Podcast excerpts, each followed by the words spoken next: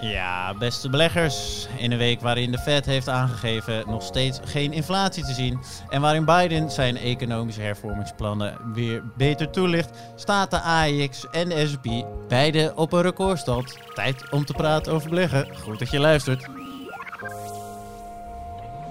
three ways to make a living in this business.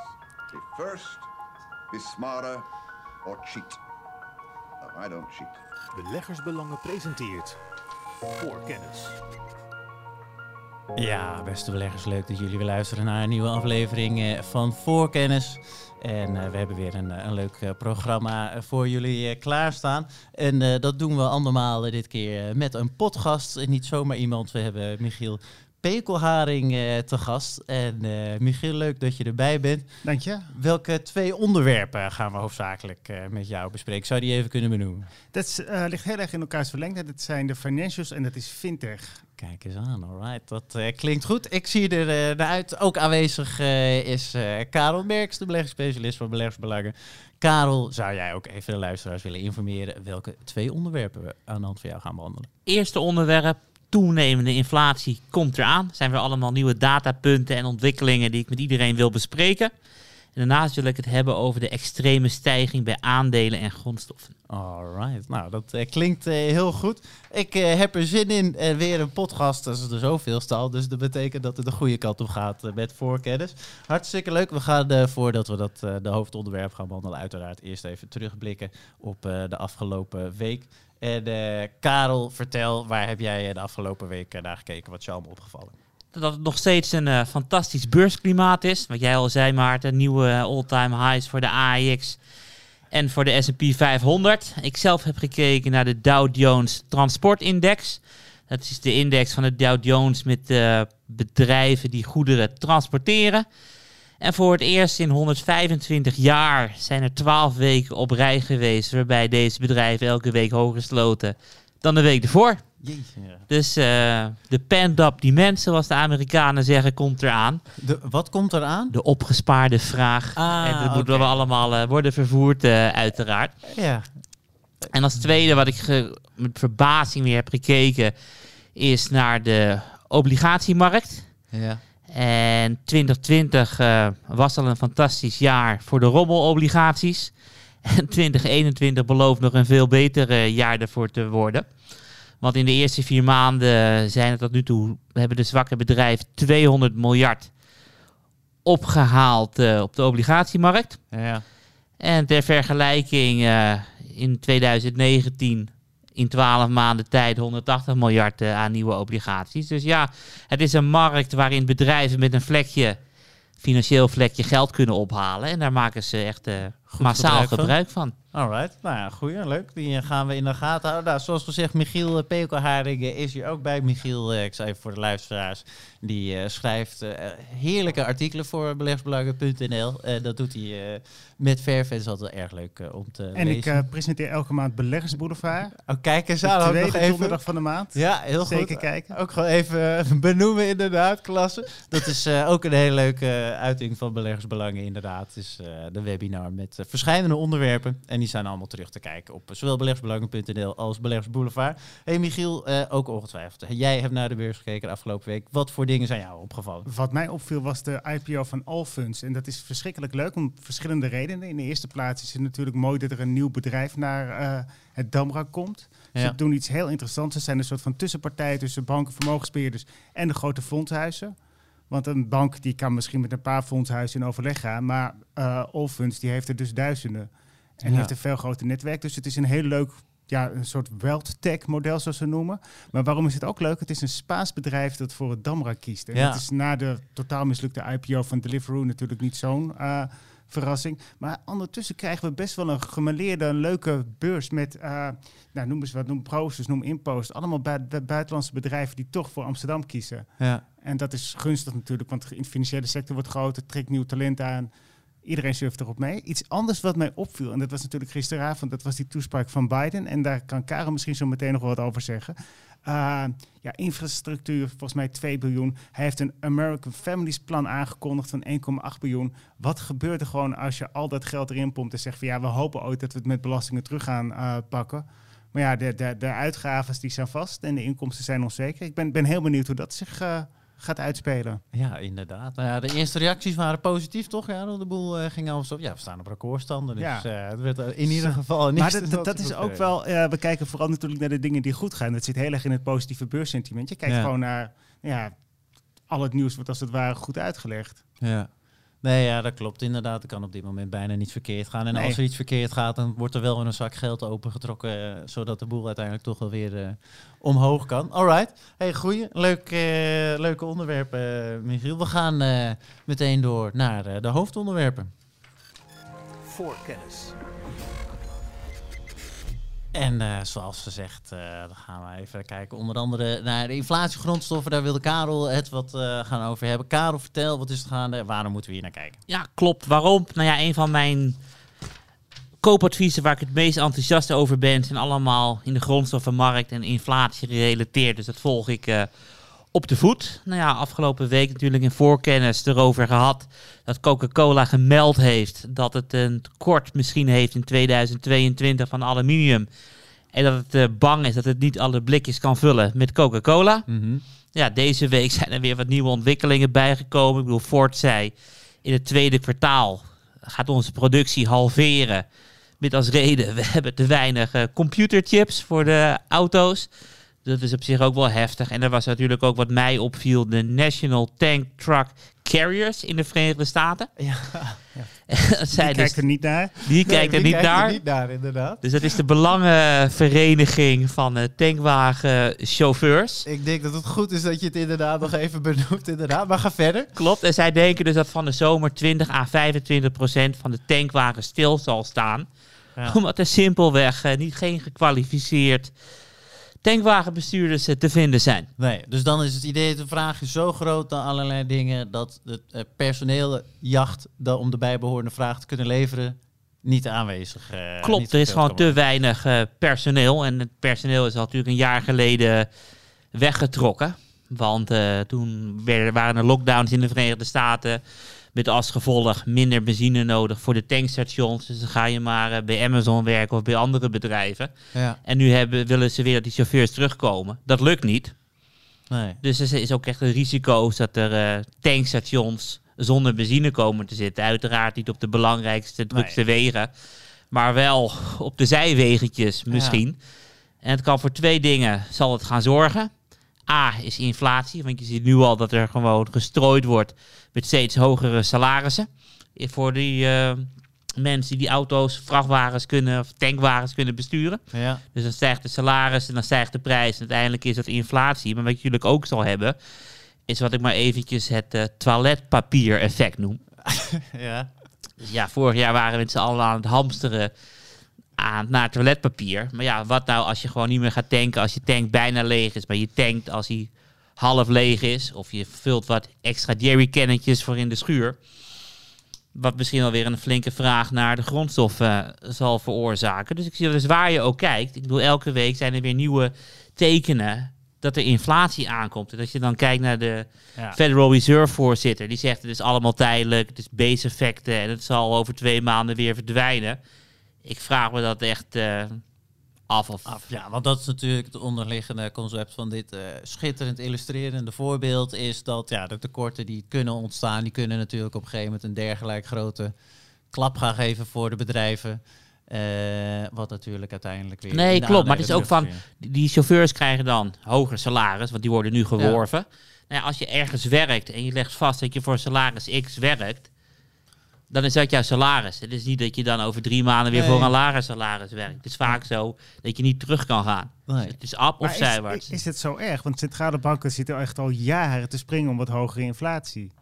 Moet, moeten we ons zorgen maken? Is het juist niet een heel gunstig effect wat we nu zien? Maar wat, wat voor inflatie ben je op zoek naar? Ik bedoel, je hebt bijvoorbeeld de timmer Volgens mij timmerhout. En, en, timmerhout is afgelopen jaar gestegen met 500 procent. Ja. En de National uh, Homebouwers Association in de VS zegt van ja, een huis, een nieuwbouwhuis is gewoon 25.000 dollar duurder dan eerst. En hoe wordt inflatie gemeten? Dat is altijd ex um, voeding. Ja. Maar ja, de graanprijs in de afgelopen maand ook met 30% uh, omhoog uh, geschreven. En ik gestegen. En ik heb gisteren nog een plaatje getwitterd over de Bloomberg uh, agrarische productensector. Nou ja, het is gewoon een verticale lijnen omhoog. Dus ik bedoel, die 2% geloof ik niet in. Dus eigenlijk vol in de bosbouwbedrijven zoals Weyerhaeuser en dat soort... Uh...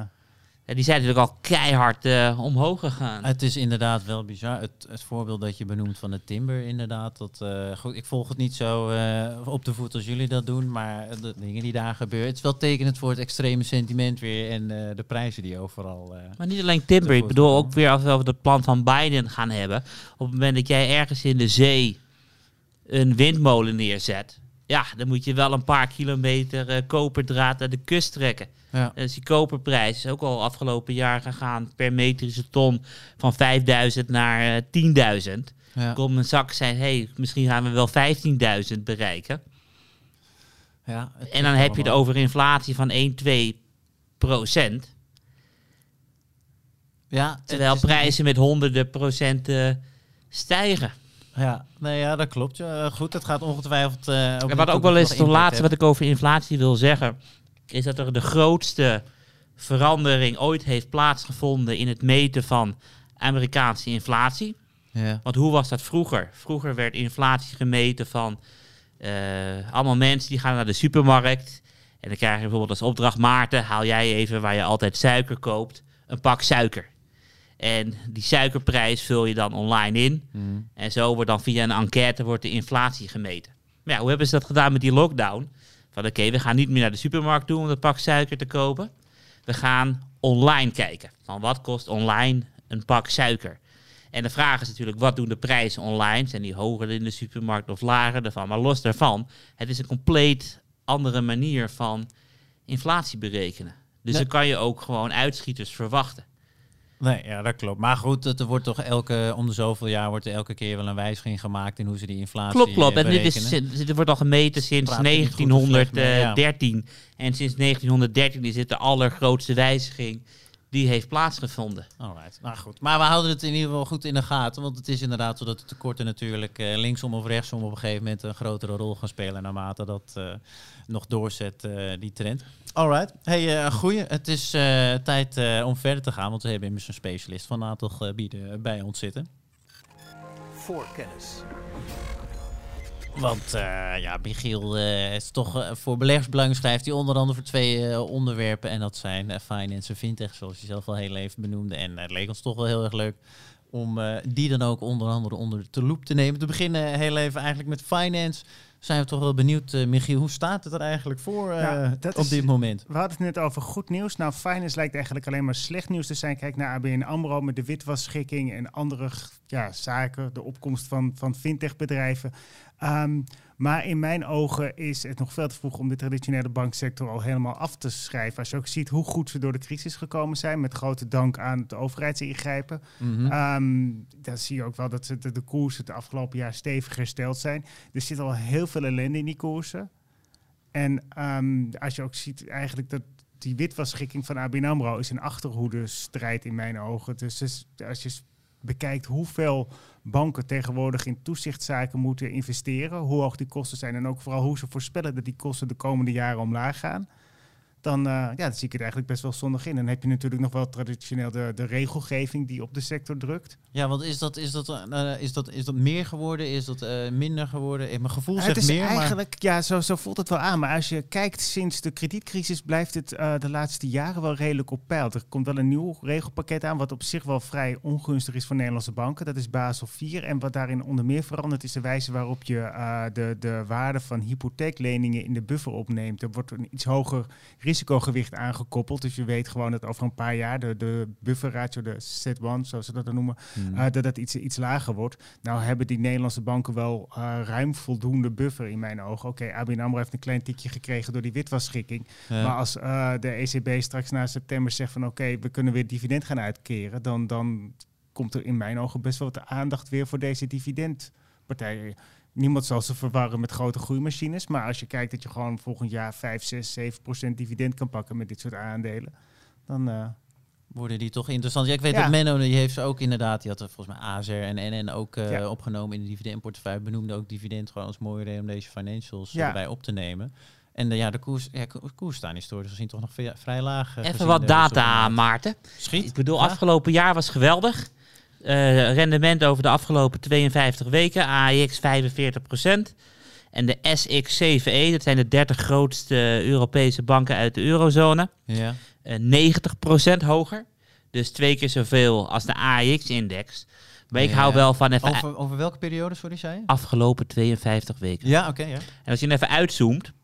ja. eh, de index eh, stond op 1 januari 1987. Dat is dus eh, 33 jaar geleden. Op 107. Ja. Vandaag, of dan vandaag gisteren toen ik hier naar keek, was het 90.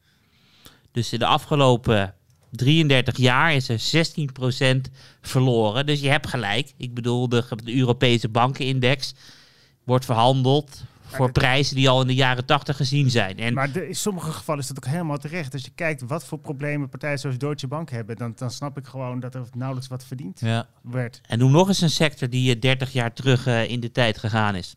Nog eens een sector. Nou, ja, ik weet niet. Is dat telecom, een maar... nuts, eh, nutsector?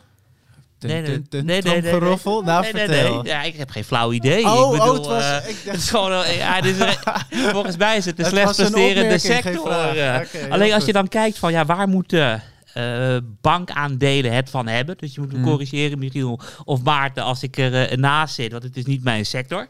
Volgens mij van een oplopende rente en een positieve stijgende yield curve. Want op het moment dat je gewoon kort leent en het lange uitzet, dan wil je gewoon dat er een soort verschil in zit. Ja, als je Ja. kijkt naar de netto rentemarge, wat je niet meeneemt neemt nu, zijn ook de kosten. En de kosten, eh, dan heb je speciaal natuurlijk de afschrijving, de stroppenpot. Je hebt nu ook de loonkosten die flink omlaag gaan. Eh, je, je kijkt naar de inkomenkant, aan de kostenkant kan er ook nog het een en ander gebeuren. Daar verwacht ik de komende jaren ook nog wel. eh, Oké, maar ik, ik, kijk naar die inkomenkant. Ja. En misschien denk ik meer in kansen dan in, eh, in risico's. daar ben je belegger voor. U- uiteraard. Maar wat ik ook zie is van, we hebben meer schulden dan ooit gemaakt. Ja, We hebben dus centrale banken die zijn begonnen met yield curve control. Australië doet dat. Die heeft gezegd de driejaarsrente mag nooit meer boven de 0,1% uitstijgen. De Japanners zijn al bezig met yield curve control. En wat ik dan geleerd heb, is dat de rest van de wereld Japan volgt. Dat ze een soort leider zijn in het maken van, eh, van schulden. En dat we die yield curve gaan, gaan cappen. En zorgen dat de rente niet verder kan stijgen. Of we gaan niet zorgen dat de rente eh, yield curve steiler gaat worden. Dan is het toch een soort cap wat banken kunnen gaat gaan het, gaat verdienen. het ze lukken in Europa? Mijn, ik heb er mijn twijfels over of dat in die mate gaat lukken. En bovendien, als je ziet dat banken in het huidige klimaat al erin slagen om die eh, netto interestbaten redelijk op peil te houden. Dan, eh, En Hoe, hebben de, hoe heeft de Japanse bankensector eh, onder deze dingen geleden? Of Gewoon heb je dat niet eens Het staat sinds eh 89 staat het nog steeds 80% lager. Oké. Dat gaat niet, eh, niet de Ja, goede... maar, en toch, weet je, want het zijn, het zijn eh, wat Michiel ook zegt, je hebt, eh, we komen er zo nog op terug, maar een aantal bankaandelen die vol voor beleggersbelangen gewoon keurig netjes op kopen staan. En eh, dat zijn gewoon ook hele mooie bedrijven, heb ik dan toch Ja, ook klopt. Michiel heeft idee. ook het gelijk aan zijn zijde. Maar ik wil toch nog een paar kritische vragen eh, stellen. En Wall Street zegt natuurlijk... eh, we maken rendement door climbing a wall of worry. Ja, Michiel, ik moet af en toe quotes in de uitzending gooien. Ja. Het is een soort eh, wekelijkse traditie. Dus hoe meer zorgen er te overwinnen zijn en mijn zorgen, hoe mooier het rendement. Maar wat ik dan denk is van alles wordt gedisrupt. Behalve het bankwezen. Op het ja, maar moment dat, dat, dat wij komt juist ook omdat het zo onaantrekkelijk is. Ik bedoel, kijk naar die fintechbedrijven. en Niemand wil een nieuwe eh, bankvergunning aanvragen met alle reguleringszorgen die daarbij komen.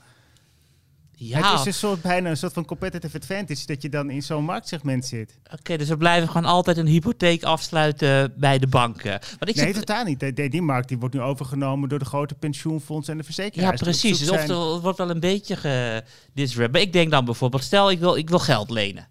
Eh, dan kan ik naar de ABN AMRO gaan en zeggen... ABN AMRO, wil je mij een persoonlijke lening geven? Maar ik denk dan, waarom kan ik niet naar Google gaan? Want ik heb het gevoel dat Google werkelijk alles van me weet. Via Ja. mijn telefoon weet hij waar ik naar surf, weet wat ik google, weet waar ik ben, weet wie mijn vrienden zijn, weet waar ik werk, weet mijn inkomen. Google weet waarschijnlijk meer van mezelf dan ik, omdat ik ook nog af en toe wat vergeet. Dus kan Google mij niet een veel aantrekkelijker rentepercentage geven dan... Dat Google niet, maar bedrijven zoals Square in Amerika, Ja. waar we zo meteen op komen met fintech, Hmm. die, hebben dat, eh, die hebben dat wel. Die kijken inderdaad gewoon naar allemaal data die ze kunnen verzamelen en aan de hand daarvan nemen ze dan die beslissingen. En Google zal dat niet zo 1, 2, 3 doen. Ik denk hoogstens dat ze dan een soort van doorgeefluik worden van andere partijen, dat je van die white label partijen eronder hebt zitten.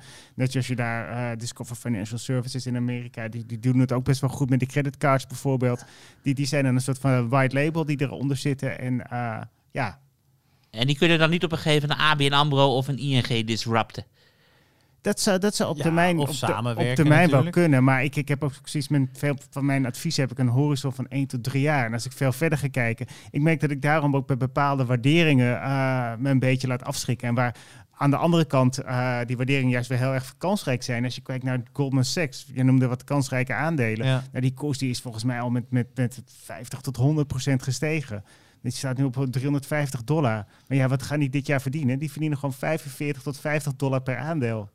Dat is, dat is fantastisch. Maar dat hadden we natuurlijk ook een paar weken geleden behandeld met Archipelagos Capital. Ja, Dat ze denken van ja, het is wel erg leuk om al die miljarden uit te lenen aan die eh, gekke Aziër die 20 miljard heeft en met meer dan 100 miljard wil beleggen. En Goldman zegt van ja, wij waren er als eerste uit.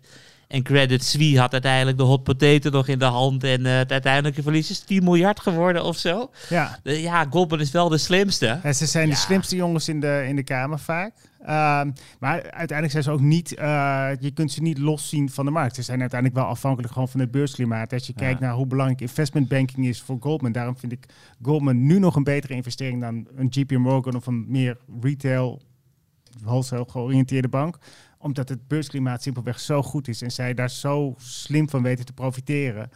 Dan eh, ja, Ja, echt goed. Ja, nou, je benoemt het al heel mooi. Ik ben ook nog heel even benieuwd eigenlijk naar je Europese eh, favoriet. De abonnees weten wel, misschien andere luisteraars niet. Maar volgens mij is Nederland eh, vrij lekker bezig binnen Europa, toch? Of niet? Absoluut, absoluut. Ik vind de Nederlandse, maar dit komt ook deels door de regulering. Mocht ik dan toch een Europese financial noemen, dan kom ik eigenlijk bij Allianz uit.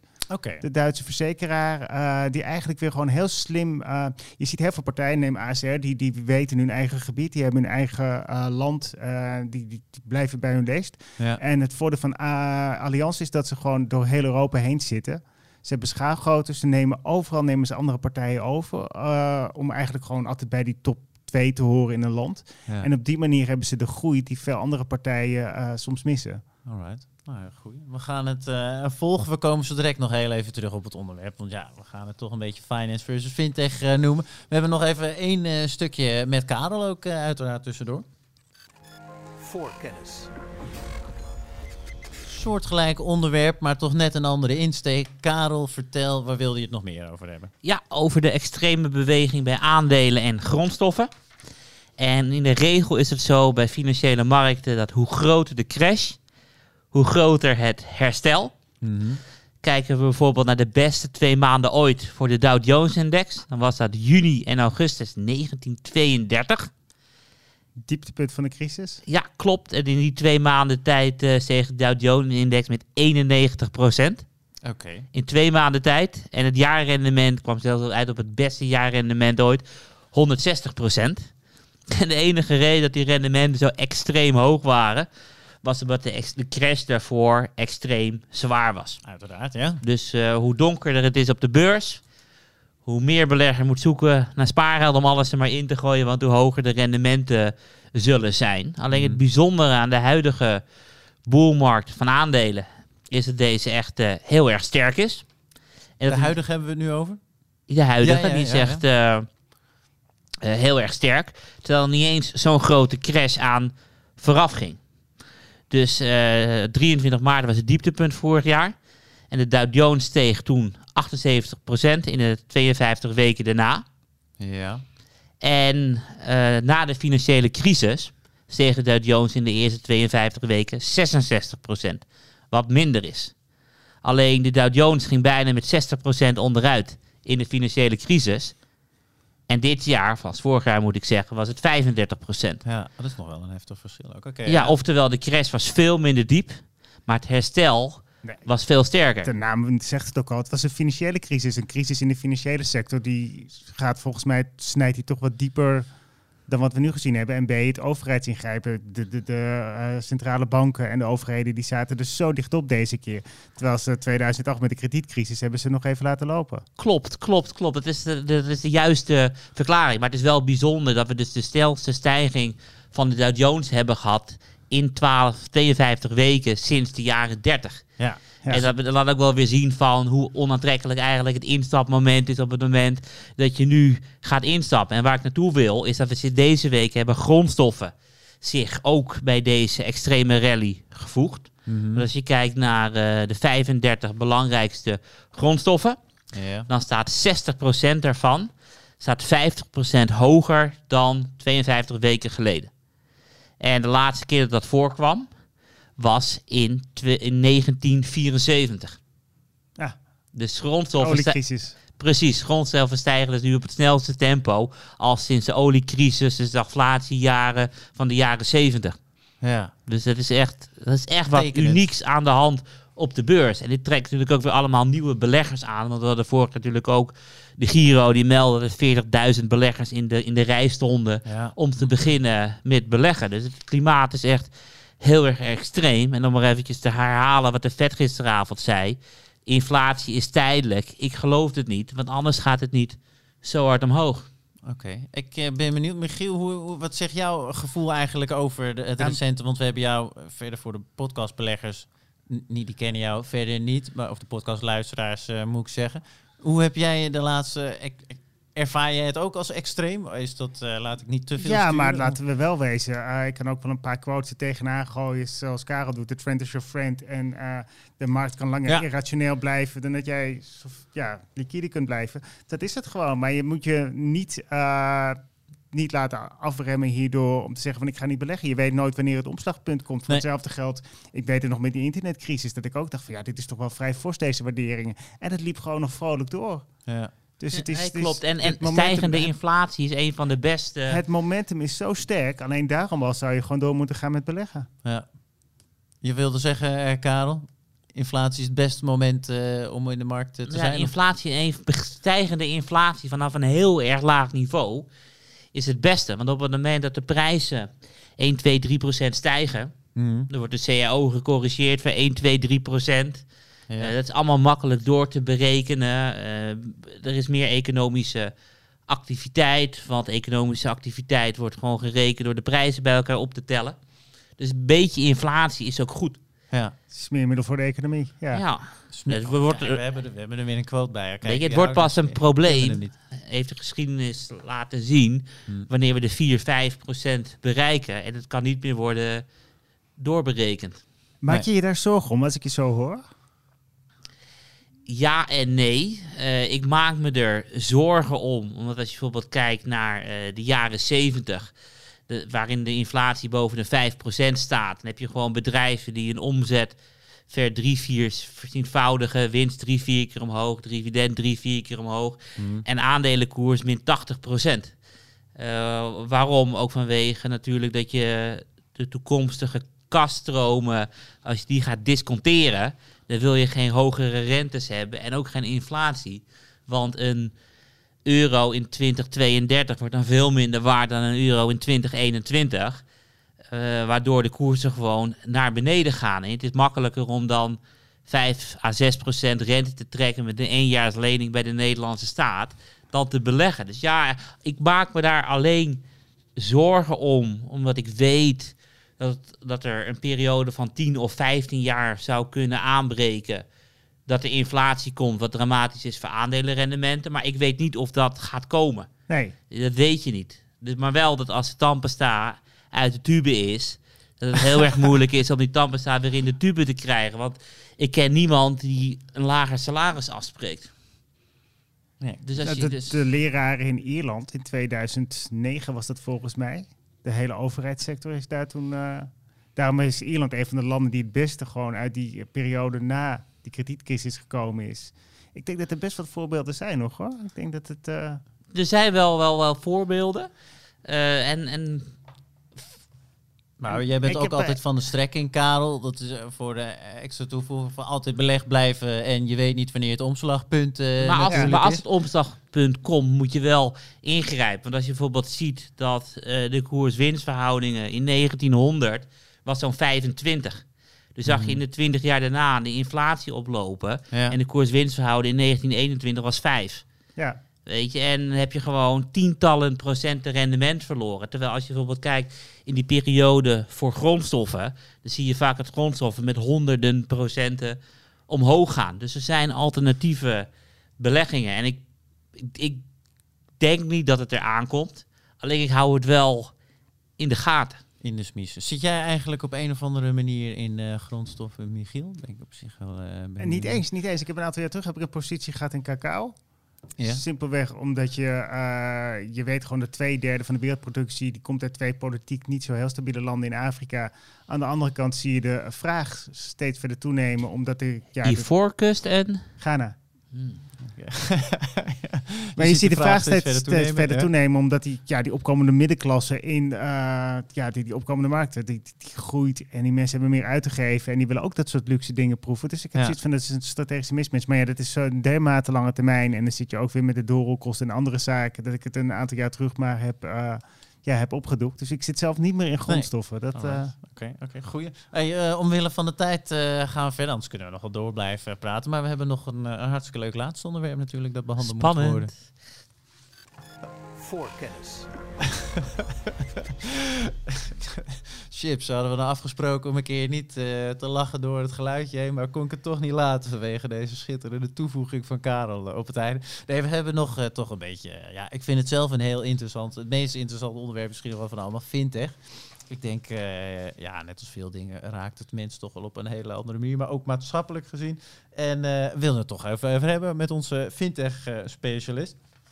Vertel, Michiel, wat is het eigenlijk precies? Laten we daarmee Het- beginnen. Wat valt er allemaal onder, wat niet? Het is, het is hartstikke breed, want ehm, ja, je hebt aan de ene kant heb je natuurlijk de, de traditionele banksector, die allemaal oude IT-systemen heeft, dat die uit de jaren 70, 80, die moeten vervangen worden. Dus dan heb je eigenlijk de technologiebedrijven die daar helpen een slag te maken.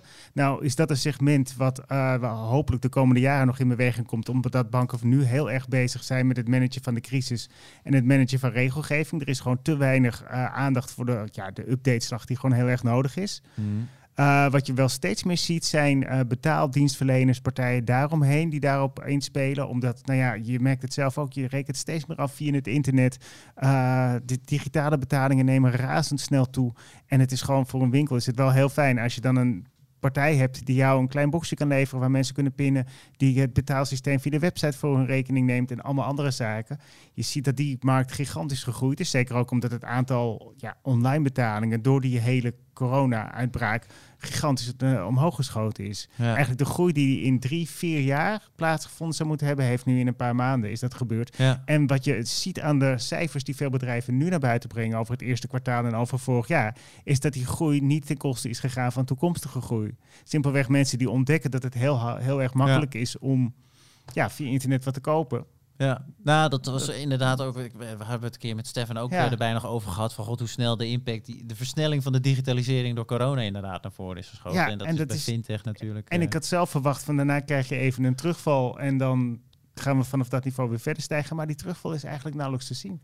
We Ja. denderen door. En dat, dat geldt ook op de beurs voor fintechbedrijven. En eh, in Nederland hebben we natuurlijk... Gaat het goed met fintechbedrijven? Ik heb geen, is, er, is Fantastisch. er een index? Is er een eh, hoe? wat, Nou, je- wat je- is de je beste je volgen je? Je eh, hebt zat voorbeelden gewoon van individuele aandelen. Dicht bij Hm. huis heb je, had je die, die, die ja, volgens mij zes keer zo, veel, zo hoog staan als op het moment dat ze naar de beurs kwamen. ja, dat is, eh, ondertussen is dat een. eh, noem je dat een millennial eigenlijk? Als er een aandeel in Nederland boven de duizend. eh, Dat weet ik niet. Weet jij dat, Karel? Ja, Hebben we dat daar is een flauw idee. Nee, wat een kritische vraag stelt hij toch. Ja, een- ja, ik heb geen idee hoe je dat noemt. Maar Menno zou zeggen uh, stoksplit. Ja, stoksplit inderdaad. Ja.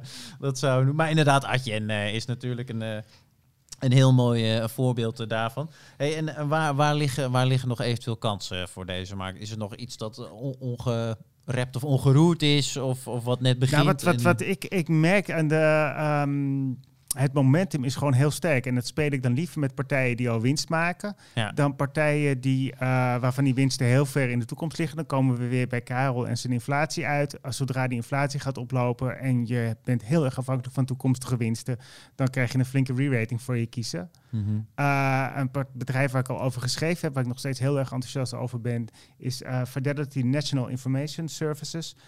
Dat is gewoon een betalingsoplossing. Die hebben handelen tientallen miljarden transacties per jaar af. Gigantisch veel. Je kunt op meer dan ja, 300 manieren via dat bedrijf betalen. En dat, dat, dat groeit steeds meer. En het groeit niet alleen doordat ze steeds meer diensten ontwikkelen. Ze nemen gewoon heel snel over. Uh, ik geloof dat ze de afgelopen 10 jaar iets van 15 bedrijven hebben in, uh, ingelijfd. En dat doet me heel erg denken aan de partijen bijvoorbeeld in de jaren van, van, van de internetboom. Kijk naar zo'n Cisco die dat gedaan heeft of Google afgelopen tien jaar. Mhm. En uh, vaak groeien die partijen uit tot de grote dominante speler binnen hun sector. Waar je dan zorgen over moet gaan maken is regelgeving. En dat laat zich bij uh, ja, in deze sector, in de fintech sector, nog heel lastig vallen, vangen. Want waar kijk je naar? Ik bedoel, je als, als lokale speler, als lokale toezichthouder, heb je lang niet de kennis uh, om, om zo'n partij te reguleren. Dus dat Nee. zal dan steeds Maar is dat eh, voor de Verenigde Amerikanen belangrijk? Dus als je bijvoorbeeld kijkt naar overnames die echt te groot waren. eh, waarom, waarom is Google zo sterk? Google is zo sterk omdat de toezichthouder niet durfde in te grijpen toen ze double-click overnamen. Klopt. Waarom is Facebook zo sterk? Omdat de toezichthouder niet durfde in te grijpen toen ze Instagram overnamen. Zo staat al die, heb je zoveel voorbeelden. Ik denk van, waarom staat de toezichthouder dit toe? Denk je dat ze... Ja, maar als toezichthouder, ik weet nog Microsoft in de jaren negentig, dat ze ook Netscape uit, ja, gewoon uit de markt drukte, simpelweg doordat ze dat konden. En eh, dan ga je er als toezichthouder tegenin. Je voert altijd een achterhoedegevecht. En daarom zie ik voor, voor, voor VIS, zoals dan de ticker is, zie ik nog wel heel goede kansen.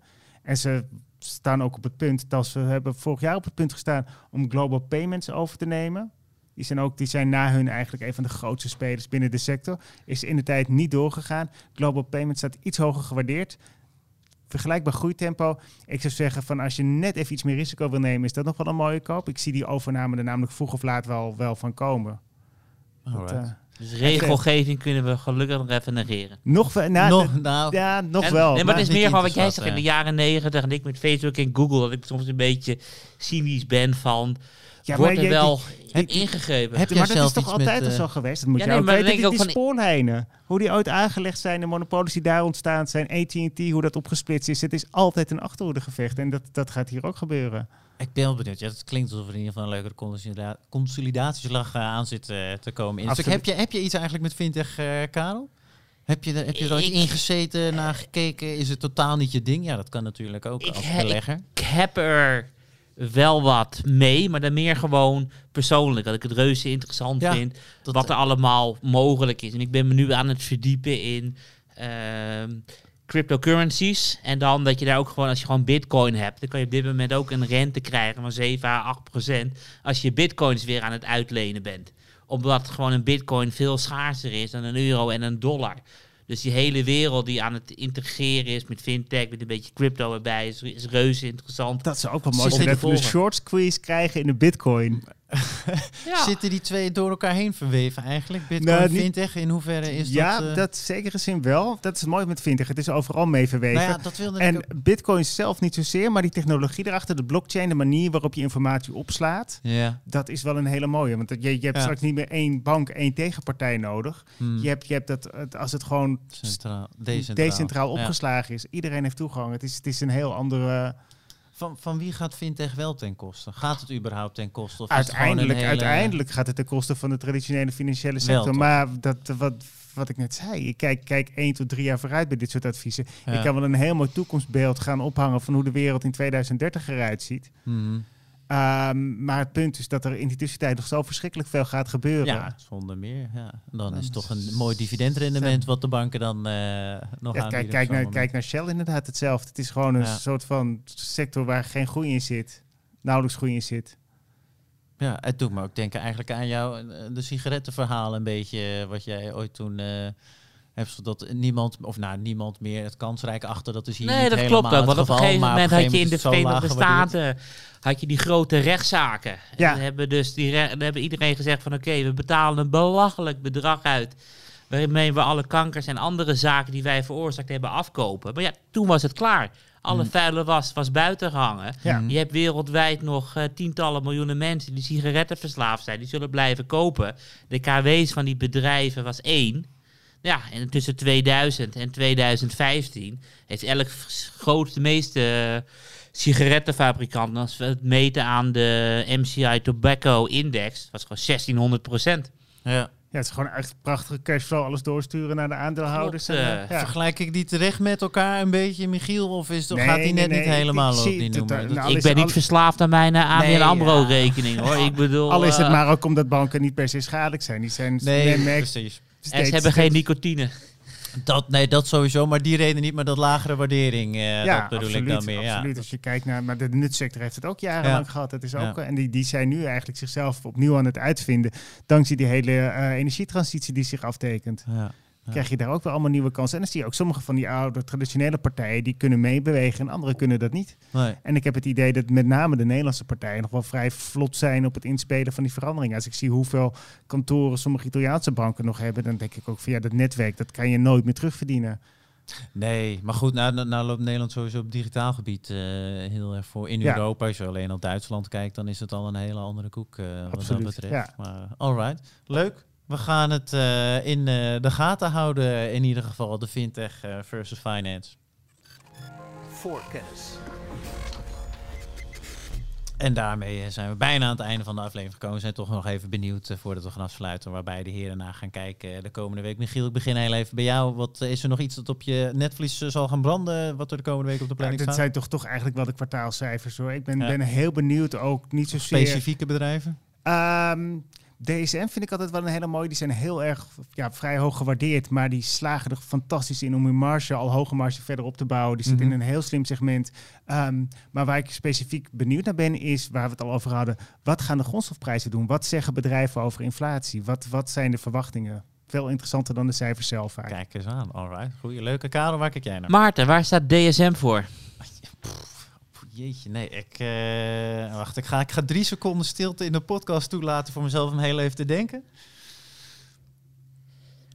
Dat, nee, nee, het zal een De? Nederlandse... Ja, de, de nee, Nee, de, de staatsmijnen. Oh, de staatsmijnen. de staatsmijnen, De DSM is al- suikermaatschappij. Nee, nee, nee. Het, is- zijn gewoon de oude staatsmijnen waaruit DSM is ontstaan. Twee keer helemaal opnieuw Oké, uitgevonden. Echt. knap is dat. En de laatste ook En inderdaad. die naam hebben ze altijd onthouden, behouden. Dat vind ik wel een heel mooi ja, feit. Ja, ja, hartstikke leuk vind ik. Dat vind ik beter dan dat zo'n bedrijf zo'n hippe nieuwe naam als Invian of zo eh, bedenkt. maar ja, die marketing. Maar waar ga ik naar ja, kijken? waar ga je naar kijken? Eh, Ja, 3 mei, Berkshire Hathaway, fantastisch aandeel. Ja. Eh, ik schrijf er altijd over, dus ik zal er ook uiteraard eh, over schrijven en mijn hernieuwde mening een beetje bijschaven. En daarnaast mijn favoriet uit de goudmijnensector, Barrick Gold, op 5 mei. Dus altijd nieuwsgierig van eh, wat, Wat de gemiddelde prijs is waarop zij goud uit de grond halen. Dus nu geloof ik 910 dollar. En kijken of ze dat ondanks de oplopende inflatie zo laag kunnen houden. Alright, Ja. nou goed, we gaan het eh, volgen. Hartstikke eh, goed. Dankjewel eh bij de heer Michiel. Hartstikke leuk dat je erbij was eh, deze aflevering. We hopen je nog in de toekomst een keertje terug te zien, eh Heel graag. uiteraard. En Karel, jij ook uiteraard weer bedankt voor alle wijze woorden. En tot de luister zeggen we tot volgende week.